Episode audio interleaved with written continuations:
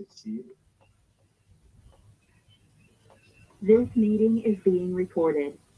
بسم الله الرحمن الرحيم السلام عليكم أيها الأخوة والأخوات المستمعين والحضور على قناتنا على اليوتيوب وكذلك على من خلال منصة الزوم آه اليوم لدينا شخصية علمائية مفكرة آه معروف على الساحة الإسلامية العربية بالخصوص وهو الشيخ الأستاذ أحمد الكاتب والأستاذ غني عن التعريف فله الكثير من الكتب التي صدرت آه، باسمه خلال العشرين سنة الماضية آه، والتي تبحث في الكثير من المواضيع الشائكة التي طرحت على الساحة آه، سواء الإسلامية الشيعية منها أو حتى السنية.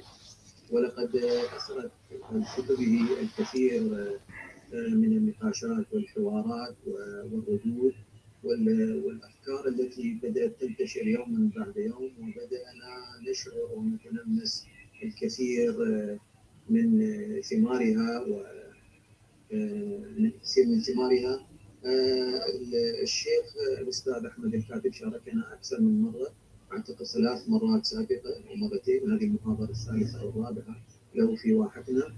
نترك المجال له محاضرتي لهذا اليوم حول موقف الشيعة من التحريف وعملية جمع القرآن. فليتفضل الأستاذ أحمد الكاتب مشكور آه شكرا جزيلا. آه السلام عليكم ورحمة الله وبركاته. وبسم الله الرحمن الرحيم. والحمد لله رب العالمين.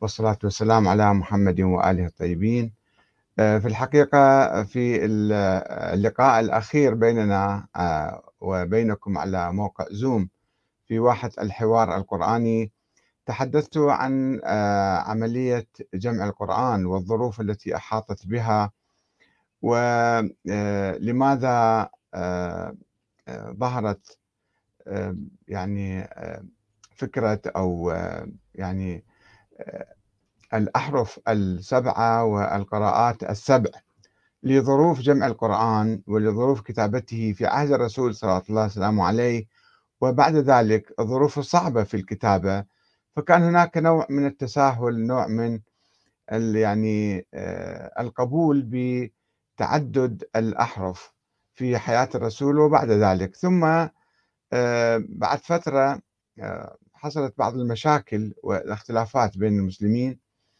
سواء في أذربيجان المجاهدين اللي كانوا يفتحون هناك أذربيجان آه، أو في الكوفة أو في حتى المدينة. بين المعلمين معلمي القرآن حدثت مشاكل دفعت آه، الصحابي آه، حذيفة بن اليمان إلى اقتراح تقديم اقتراح إلى الخليفة عثمان بن عفان رضي الله عنهم جميعا وقال له تعال اجمع القرآن في مصحف واحد على قراءة واحدة على حرف واحد. فاستشار بقية المسلمين ومنهم الإمام علي طبعا واتفقوا على هذا المصحف المعروف عندنا اليوم اللي هو المصحف العثماني يسمى المصحف العثماني. آه، بعد ذلك حدثت آه، قراءات مختلفة في المصحف العثماني لأنه الحروف العربية في تلك الفترة لم تكن منقطة. مثلا الباء التاء الياء الثاء. لأنه كلها كانت تكتب فقط برقزة يعني ما كان ما كانت ما فيها نقاط. ولم تكن هناك أيضا حركات على آه، الآيات. فلذلك حدث نوع من الاختلاف في القراءة بين مثلا ملكي أو مالكي أو ما شابه. تحدثنا عن هذا الموضوع سابقا. اليوم حديثنا موقف الشيعة من التحريف وعملية جمع القرآن. آه، في الحقيقة هناك روايات متناقضة مختلفة حول هذا الموضوع بالذات حول جمع القرآن. فبعض الروايات تقول أنه الإمام علي جمع القرآن وبعض الروايات تقول لا هو هذا القرآن المجموع هو هذا يعترفون فيه. فإذا يشكك الشيعة الإمامية بالذات يعني. في الروايات السنية التي تتحدث عن جمع القرآن لأول مرة في عهد أبي بكر وعمر وعثمان. يعني آه، عمر اقترح على أبي بكر آه، أنه خلينا نجمع القرآن بعد آه، حروب الردة اللي ذهب فيها كثير من الصحابة. وثم حاولوا أن يجمعوا في عهد عمر وجمع في عهد عثمان. ويقولون بأن القرآن الشيعة يقولون الشيعة الإمامية. يقولون بأن القرآن كان مجموعا في عهد الرسول الأكرم صلى الله عليه وسلم وقد سلمه إلى الإمام علي بن أبي طالب عند وفاته قال له هذا القرآن كله مجموع خلفي في السرير فأخذ وجمع. فقام بجمعه بصورة كاملة ونهائية لأنه كما يقولون لم يكن مكتوبا كل القرآن في مصحف واحد إنما كان مكتوب في الرقاع وفي الأكتاف يعني أكتاف الحيوانات وفي الجلود وفي يعني في كل ما كان يجدون خشب أي شيء كانوا يكتبون عليه. فقام الإمام هكذا تقول الرواية الشيعية المعروفة فقام الإمام بجمعه بصورة كاملة ونهائية وتقدم به إلى الخليفة أبي بكر والصحابة فرفضوه. وقام هؤلاء بعد ذلك بجمعه على طريقتهم الخاصة. هاي الرواية الأولى. الرواية العادية. هناك رواية أخرى يرويها الغلاة من الشيعة بأن الخلفاء أثناء عملية جمع القرآن حذفوا من القرآن ما يتعلق بالنص على الإمام علي أو أهل البيت وحقهم في الخلافة وكل ما يتعلق بهم حذفوا هذا الشيء. ولكن عامة الشيعة يفسرون المحذوف يعني يقولون نعم كان هناك حذف بعملية جمع القرآن ولكن المحذوف لم يكن من القرآن لم يكن من نص القرآن وإنما من التأويل والتفسير المنزل.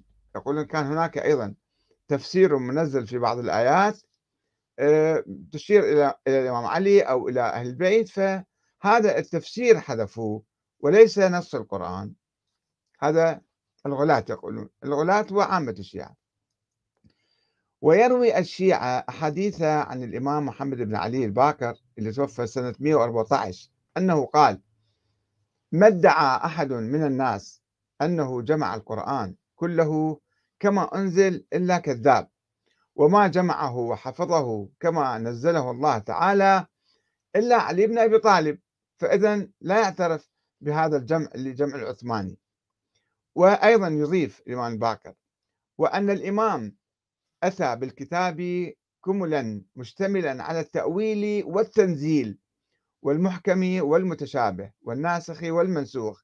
لم يسقط منه حرف ألف ولا لام فلم يقبلوا ذلك.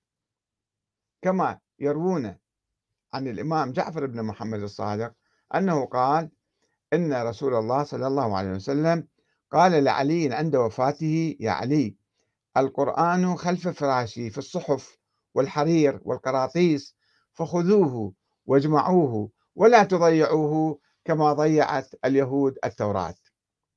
فانطلق علي فجمعه في ثوب أصفر ثم ختم عليه في بيته وقال لا أرتدي حتى أجمعه. وإن كان الرجل ليأتيه فيخرج إليه بغير رداء يعني هذا الرداء فوق على كتفه عاري يطلع عليه شكل يعني. حتى جمعه ما كان يعني يقعد ويا أحد ويتكلم مع أحد. وأن الصادق قال أخرجه علي إلى الناس حين فرغ منه وكتبه. فقال لهم هذا كتاب الله عز وجل كما أنزله الله على محمد صلى الله عليه وآله وسلم وقد جمعته في اللو من اللوحين.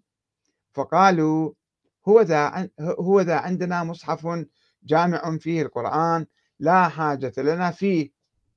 فقال أما والله ما ترونه بعد يومكم هذا أبدا. إنما كان علي, علي أن أخبركم حين جمعته لتقرؤوه. وأضاف إذا قام القائم قرأ كتاب الله عز وجل على حد هذا الصادق يقول يعني. أضاف الصادق إذا قام القائم قرأ كتاب الله عز وجل على حده وأخرج المصحف الذي كتبه علي عليه السلام.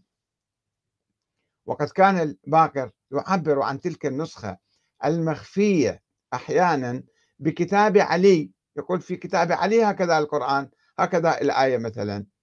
أو يعبر عنها بمصحف فاطمة. ويروي الكليني هاي طبعا روايات كلها في الكليني موجودة. ويروي الكليني في الكافي عن الإمام الصادق أن مصحف فاطمة يوازي ثلاثة أضعاف القرآن الذي بين أيدي المسلمين وأنه يحتوي على ستة عشر ألف آية. والله لا يوجد منها في مصحفكم هذا حرف واحد. وأنه كان يختلف عن المصحف المعروف في بعض الآيات. ولكن روايات أخرى عن الصادق تنفي أن يكون مصحف فاطمة يحتوي على قرآن. يعني الروايات الواردة حول مصحف فاطمة متناقضة. بعضها يقول آه، هو قرآن بعضها يقول لا. تنفي أن يكون مصحف فاطمة يحتوي على قرآن وإنما هو شيء أملاه الله وأوحى إليها. وما فيه آية من كتاب الله. ويقول فيها إن عندنا مصحف فاطمة. أما والله ما فيه حرف من القرآن ولكنه إملاء رسول الله وخط علي. هذا مصحف فاطمة شنو؟ كل ساعة يعني روايات متعددة. وأيضا يقول الصادق أن عندي مصحف فاطمة وما أزعم أن فيه قرآنا وفيه ما وفيه ما يحتاج الناس إلينا ولا نحتاج إلى أحد يعني مسائل فقهية مثلا. حتى أن فيه الجلدة ونصف الجلدة وثلث الجلدة وربع الجلدة وأرش الخدش. وقد أيضا حديث آخر خلفت فاطمة مصحفا ما هو قرآن ولكنه كلام من كلام الله أنزل عليها. إملاء رسول الله وخط علي. وأن مصحف فاطمة كان يحتوي على مسائل فقهية حول الزكاة مثلا. فشوفوا هاي الروايات متعددة ومختلفة ومتناقضة. ونظرا للاختلاف الهائل في الروايات حول كتاب علي. شنو هذا كتاب علي؟ أو مصحف فاطمة. شفتوا كما شفتوا روايات مختلفة اختلاف هائل. فإذا لا يمكن الوقوف على حقيقته. هل هو كتاب واحد؟ يعني مصحف فاطمة وكتاب علي. كتاب واحد أم هما كتابان؟ هل هو قراءة خاصة بالإمام علي على حرف من الأحرف السبعة؟ أم كتاب يحتوي على القرآن مع التفسير المنزل من الله مثلا؟ أم هو كتاب فقهي يحتوي على الحلال والحرام. هذه أسئلة. وأيضا سؤال مهم جدا. هل هو موجود حقا؟ يعني فعلا كان يوجد شيء اسمه كتاب كتاب علي أو مصحف فاطمة. أم مجرد كتاب مزعوم كتاب وهمي يعني لا حقيقة له. هذه يعني إحنا نتساءل عندما نقرأ هذه الروايات. الشيخ المفيد اللي هو مؤسس المذهب الاثنى عشري توفى سنة 413 يتحدث عن مصحف أمير المؤمنين ويقول وما أحدثه بعض الظالمين فيه من الحذف والنقصان. يعني هذا القرآن الموجود حاليا. بما يوحي بإيمانه بحدوث تحريف في عملية جمع القرآن وأن القرآن الكامل هو ما جمعه الإمام علي بن أبي طالب وأنه موجود عند الإمام الثاني عشر محمد بن الحسن العسكري المهدي المنتظر. طبعا شيخ المفيد عنده رأيين عند هذا الرأي يعني في بعض كتبه يشير إليه وعند رأي آخر أيضا يقول لا هو هذا القرآن هو كما أنزل لا في لا زيادة ولا نقصان كما هو الموقف الذي تبناه مشايخ الطائفة الاثنى عشرية في القرن الرابع والخامس من الشيخ الصدوق محمد بن علي بن بابويه الصدوق والسيد المرتضى والشيخ آه، الطوسي وبقية العلماء استقر رأيهم على أنه لا القرآن لا لا يوجد فيه حذف لا زيادة ولا نقصان وأن هذه أحاديث كانت متداولة فمتداولة في القرن الثالث والرابع والشيخ المفيد تأثر ببعض هذه الأحاديث فنقلها مثلا. والشيخ الكليني طبعا في بداية القرن الرابع جمع هذه الروايات ونشرها. فإذا هذا الموقف الأول للشيخ المفيد الذي يتحدث عن ما أحدثه بعض الظالمين فيه من الحذف والنقصان آه، الشيخ محمد باكر المجلسي اللي هو أخباري توفى سنة 1111 آه، في العهد الصفوي في أواخر العهد الصفوي آه، أكده في تعليقه على حديث الإمام الباكر أنه ما ادعى أحد من الناس أنه جمع القرآن كله كما أنزل إلا كذاب وما جمعه وحفظه كما نزله الله تعالى إلا علي بن أبي طالب. هذا الحديث اللي نقله الكليني حيث قال اختلف أصحابنا في ذلك. محمد باكر المجلسي صاحب كتاب بحار الأنوار. يقول اختلف أصحابنا في ذلك فذهب الصدوق ابن بابويه وجماعة إلى أن القرآن لم يتغير عما أنزل. ولم ينقص منه شيء. وذهب الكليني والشيخ المفيد قدس الله روحهما وجماعة إلى أن جميع القرآن عند الأئمة عليهم السلام القرآن الكامل يعني. وما في المصاحف بعضه الموجود الآن في المصحف هذا المصحف العثماني بعض القرآن. وجمع أمير المؤمنين صلوات الله عليه كما أنزل بعد الرسول وأخرج إلى الصحابة المنافقين فلم يقبلوا منه وهم قصدوا لجمعه في زمن عمر وعثمان. هم راحوا جمعوه على حسابهم كيفهم يعني. وقال أيضا لا ريب في أنه يجوز لنا الآن أن نقرأ موافقا لقراءاتهم المشهورة كما دلت عليه الأخبار المستفيضة. مستفيضة يعني جدا يعني كثيرة موجودة. ولا لا تصل إلى التواتر لأنه أخبار كثيرة في أخبار مقابلها. يقول كما دلت الأخبار المستفيضة إلى أن إلى أن يظهر القائم عليه السلام أنه إحنا نقرأ يجوز لنا أن نقرأ هذا القرآن إلى أن يظهر القائم عليه السلام ويظهر لنا القرآن على حرف واحد وقراءة واحدة. رزقنا الله تعالى إدراك ذلك الزمان لينتظر حتى يقرأ القرآن الصحيح. هذا يعني قبل 300 سنة تقريبا عندنا الشيخ السيد أبو القاسم الخوئي.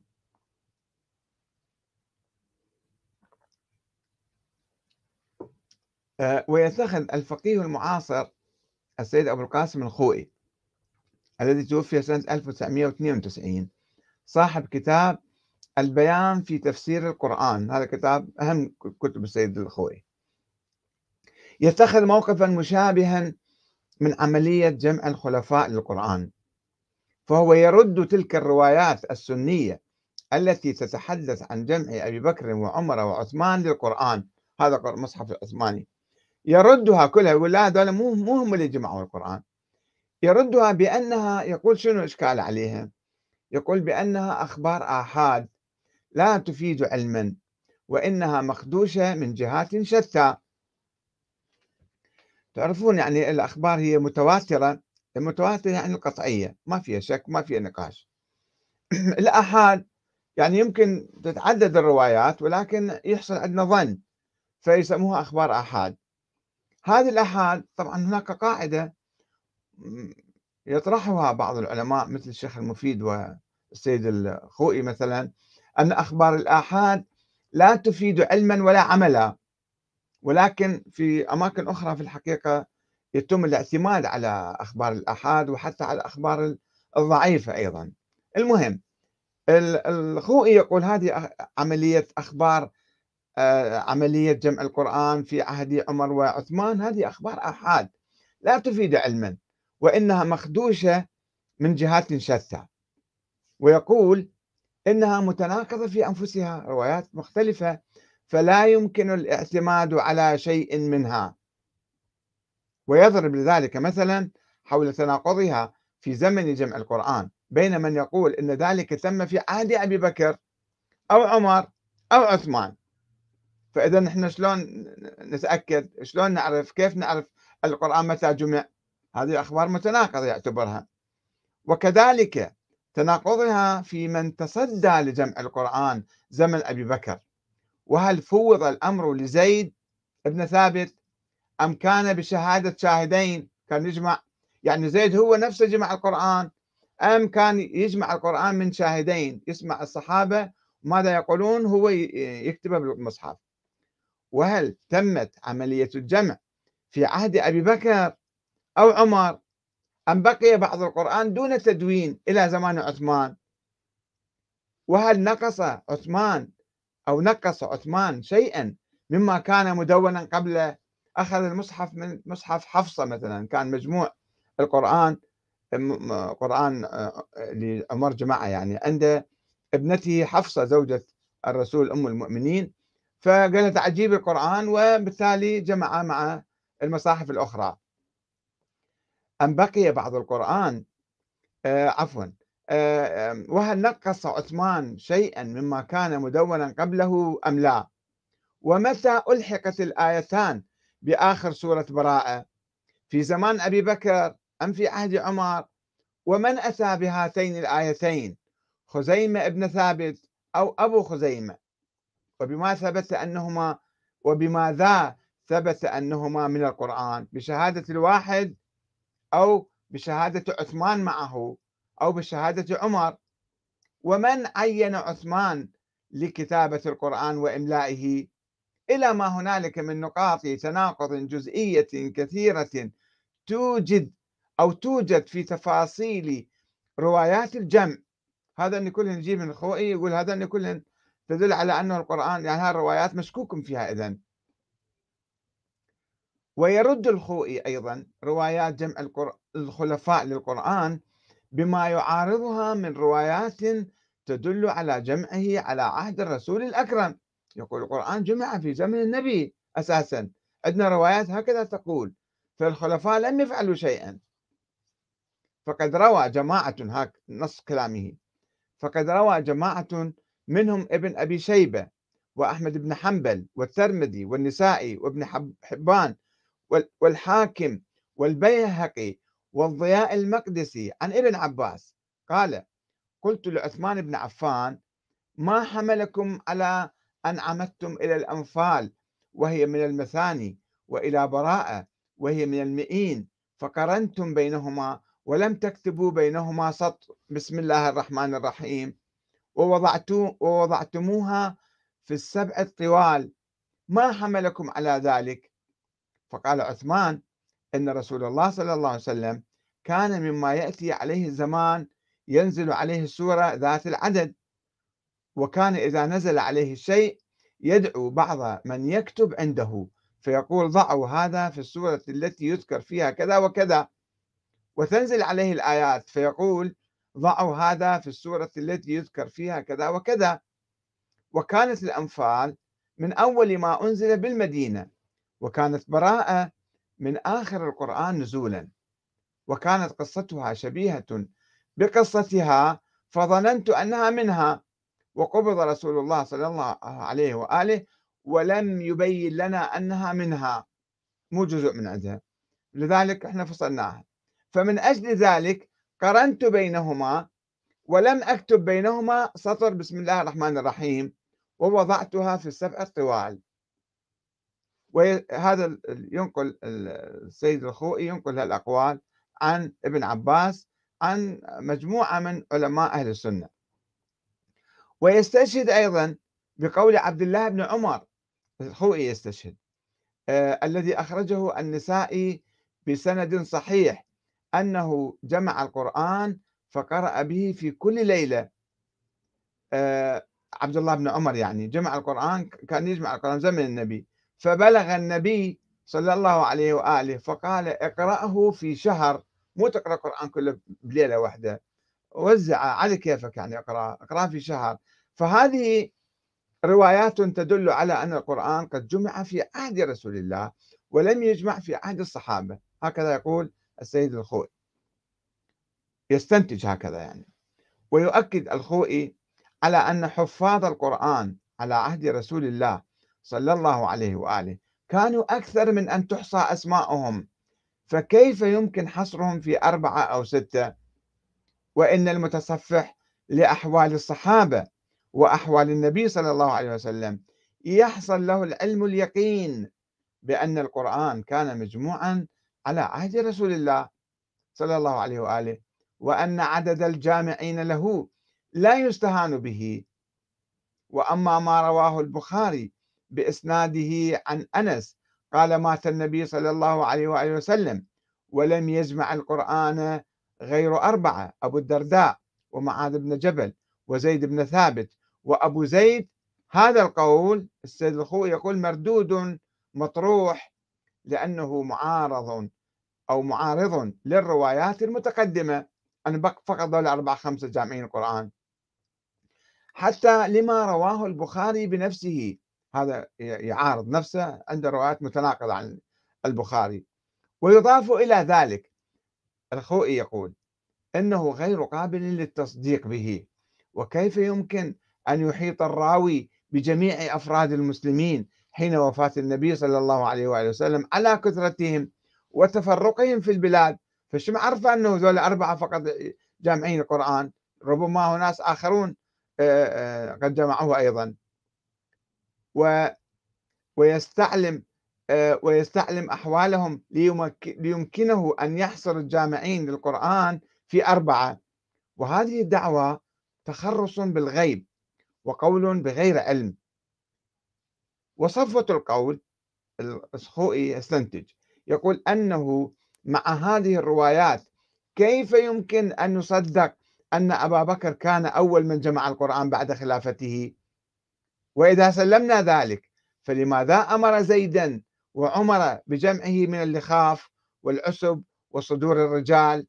ولم يأخذه من عبد الله ومعاذ وأبي وقد كانوا عند الجمع أحياء.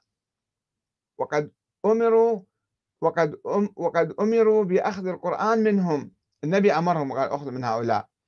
على أن زيدا نفسه كان أحد الجامعين للقرآن على ما يظهر من هذه الرواية. فلا حاجة إلى التفحص والسؤال من غيره. إذا هو جامع القرآن هو يكتب نفسه ليش يسأل الآخرين؟ فهذا تناقض هنا. بعد أن كان شابا عاقلا غير متهم كما يقول أبو بكر لما اقترح عليه عمر قال هذا شاب كلش عاقل ويعني خليه يجمع القرآن هو. أضف إلى جميع ذلك أن أخبار الثقلين المتضافرة تدلنا على أن القرآن كان مجموعا على عهد رسول الله صلى الله عليه وآله وسلم. هذا يعني بعد ما شكك بتلك الروايات يقول روايات الأئمة الباقر والصادق تقول القرآن كان مجموع والإمام علي جماعة آخر جماعة. ويقدم الخوئي أدلة أخرى من الكتاب كما يقول هو من الكتاب والعقل والإجماع حسب قوله على عدم صحة روايات جمع الخلفاء للقرآن. ويخلص إلى القول القاطع بأن النبي صلى الله عليه وسلم كان قد أمر بكتابة القرآن على عهده كما في رواية زيد بن ثابت. قال كنا عند رسول الله صلى الله عليه وآله نؤلف القرآن من الرقاع قال الحاكم في المستدرك جزء 2 صفحة 611 هذا حديث صحيح على شرط الشيخين ولم يخرجاه وفيه الدليل الواضح أن القرآن إنما جمع على عهد رسول الله. فإذا هذا عملية جمع القرآن في عهد عثمان كله حكي كلام مو, مو أكيد كما يقول الخوئي. وإضافة إلى ذلك يشكك الخوئي بروايات جمع القرآن في عهد الخلفاء بأن هذا نص كلامه بأن هذه الروايات مخالفة لما أجمع عليه المسلمون قاطبة من أن القرآن لا طريق لإثباته إلا التواتر فإنها تقول هذه رواية جمع القرآن في عهد الخلفاء يعني فإنها تقول إن إثبات آيات القرآن حين الجمع كان منحصرا بشهادة شاهدين أو بشهادة رجل واحد إذا كانت تعدل شهادتين. وعلى هذا فاللازم أن يثبت القرآن بالخبر الواحد أيضا. صار الشكل يعني إذا صدقنا بهذه الروايات معناته القرآن بالخبر الواحد يثبت مو بالتواتر. وهل يمكن لمسلم أن يلتزم بذلك؟ أنه بخبر الآحاد جاي من القرآن؟ ولست أدري كيف يجتمع القول بصحة هذه الروايات التي تدل على ثبوت القرآن بالبينة مع القول بأن القرآن لا يثبت إلا بالتواتر. شلون نجمع بين الكلامين أفلا يكون القطع بلزوم كون القرآن متواترا سببا للقطع بكذب هذه الروايات أجمع؟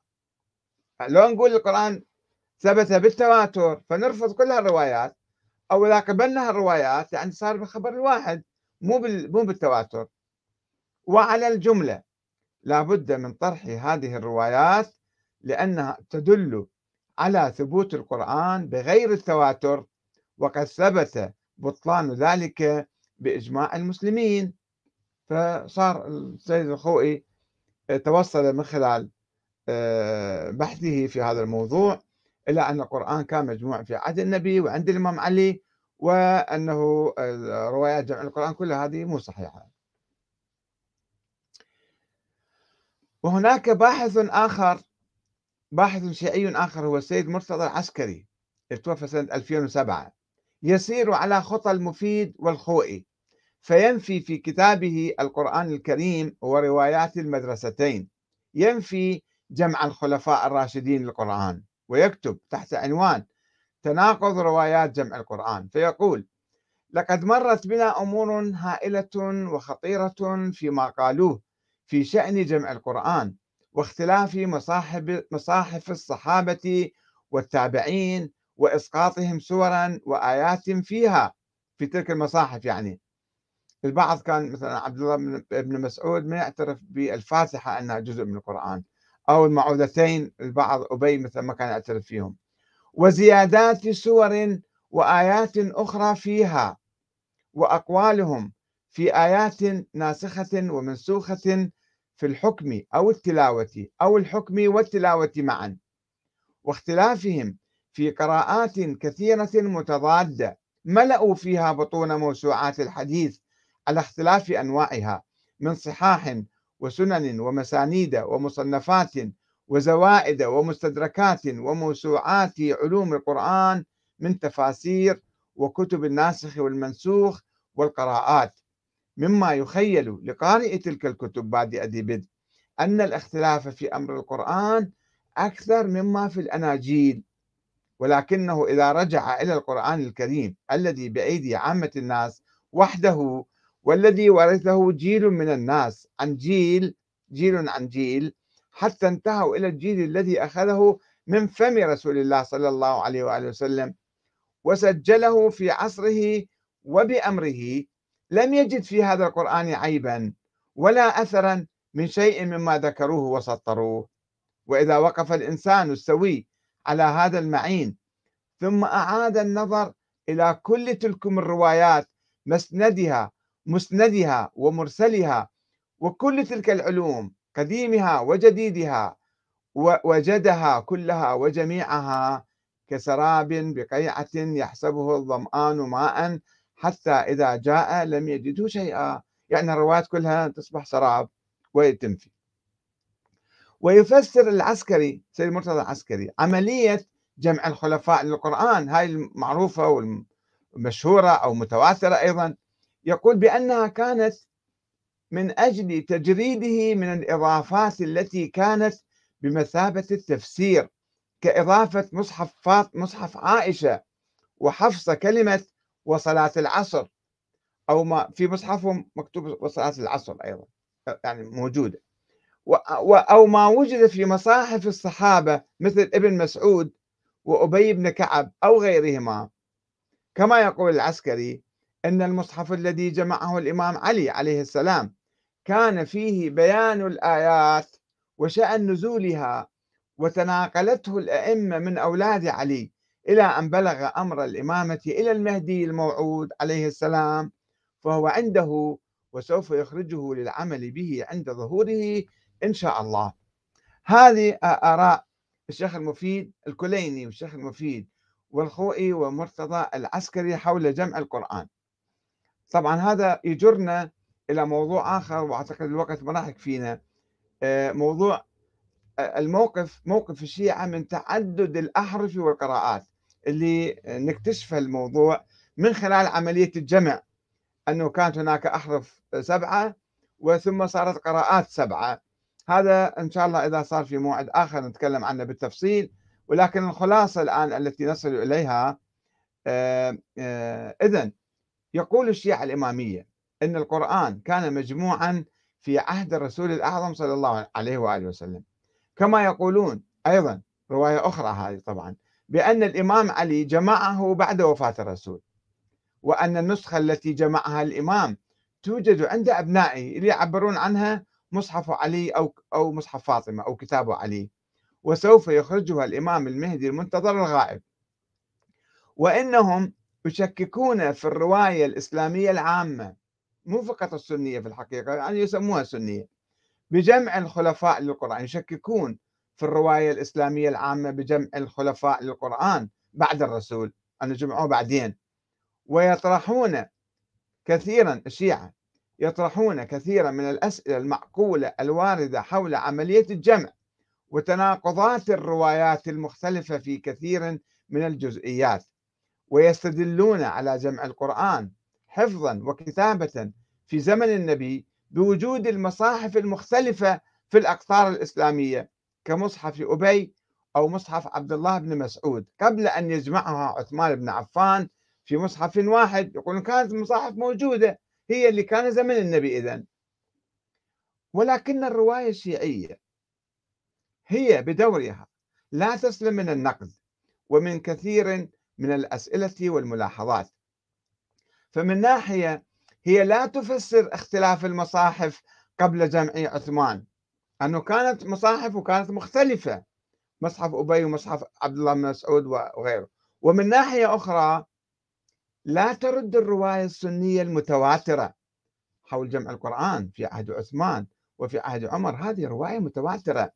لا تردها تاريخيا بنقض رواتها. ما تقول لا ذولا مثلا كذابين أو ذولا ضعاف أو أو مو مو ثابت الرواية عنهم.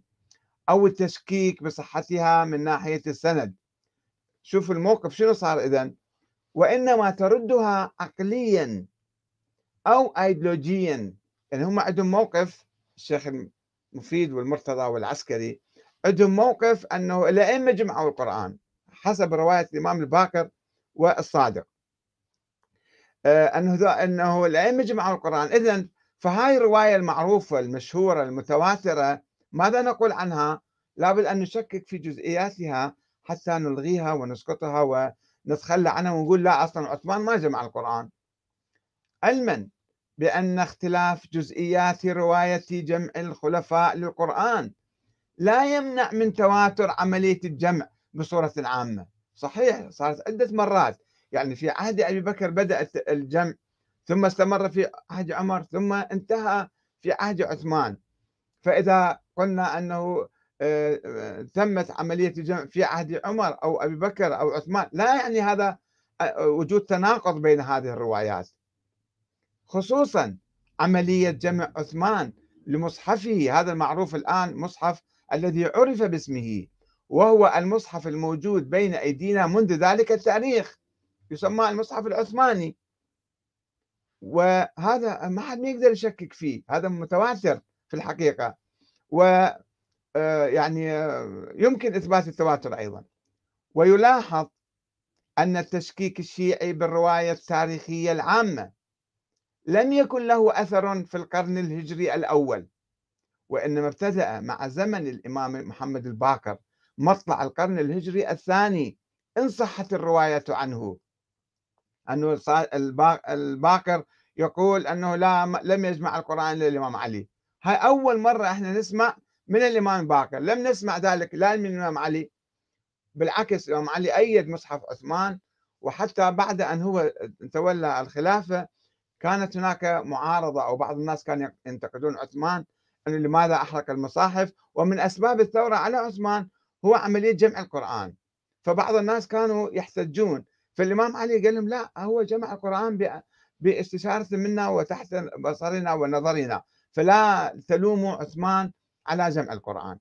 إذا فلا في عهد الإمام علي ولا في عهد الحسن والحسين وزين العابدين كان أكو كلام في القرن الأول الهجري حول التشكيك بعملية جمع الخلفاء ولا سيما عثمان للقرآن.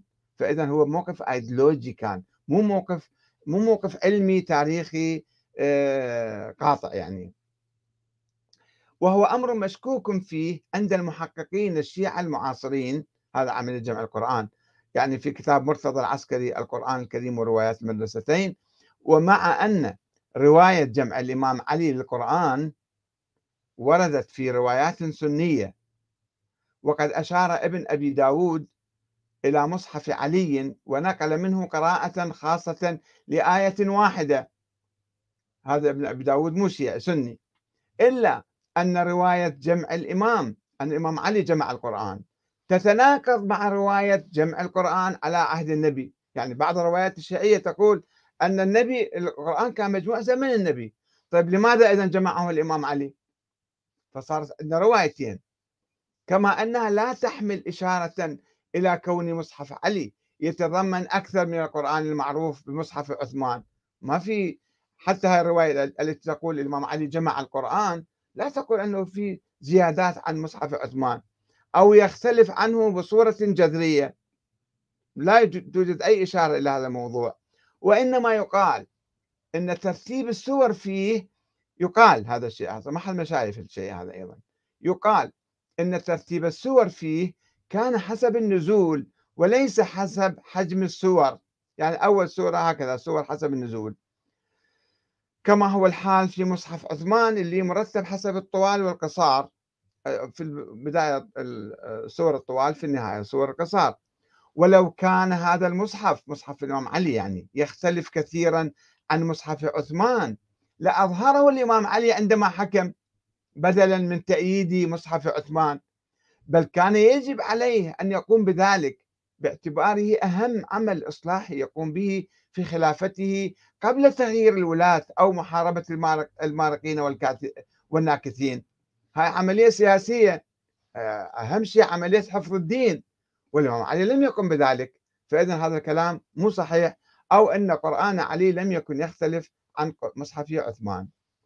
وأما قول بعض الشيعة كالمفيد والخوئي والعسكري باشتمال الجزء المحذوف من القرآن عند جمع الخلفاء له حتى يعني بالحقيقة المفيد والخوئي والعسكري الذين يحاولون آه، يعني جمع بين الروايات أن القرآن ما يمكن يكون ناقص أو محذوف منه شيء وإنما يقولون كان في تنزيل يعني تفسير منزل هكذا يقول السيد الخوئي باستمال المحذوف من القرآن عند جمع الخلفاء له على التأويل والتفسير المنزل من الله تعالى. هذا قولهم هؤلاء.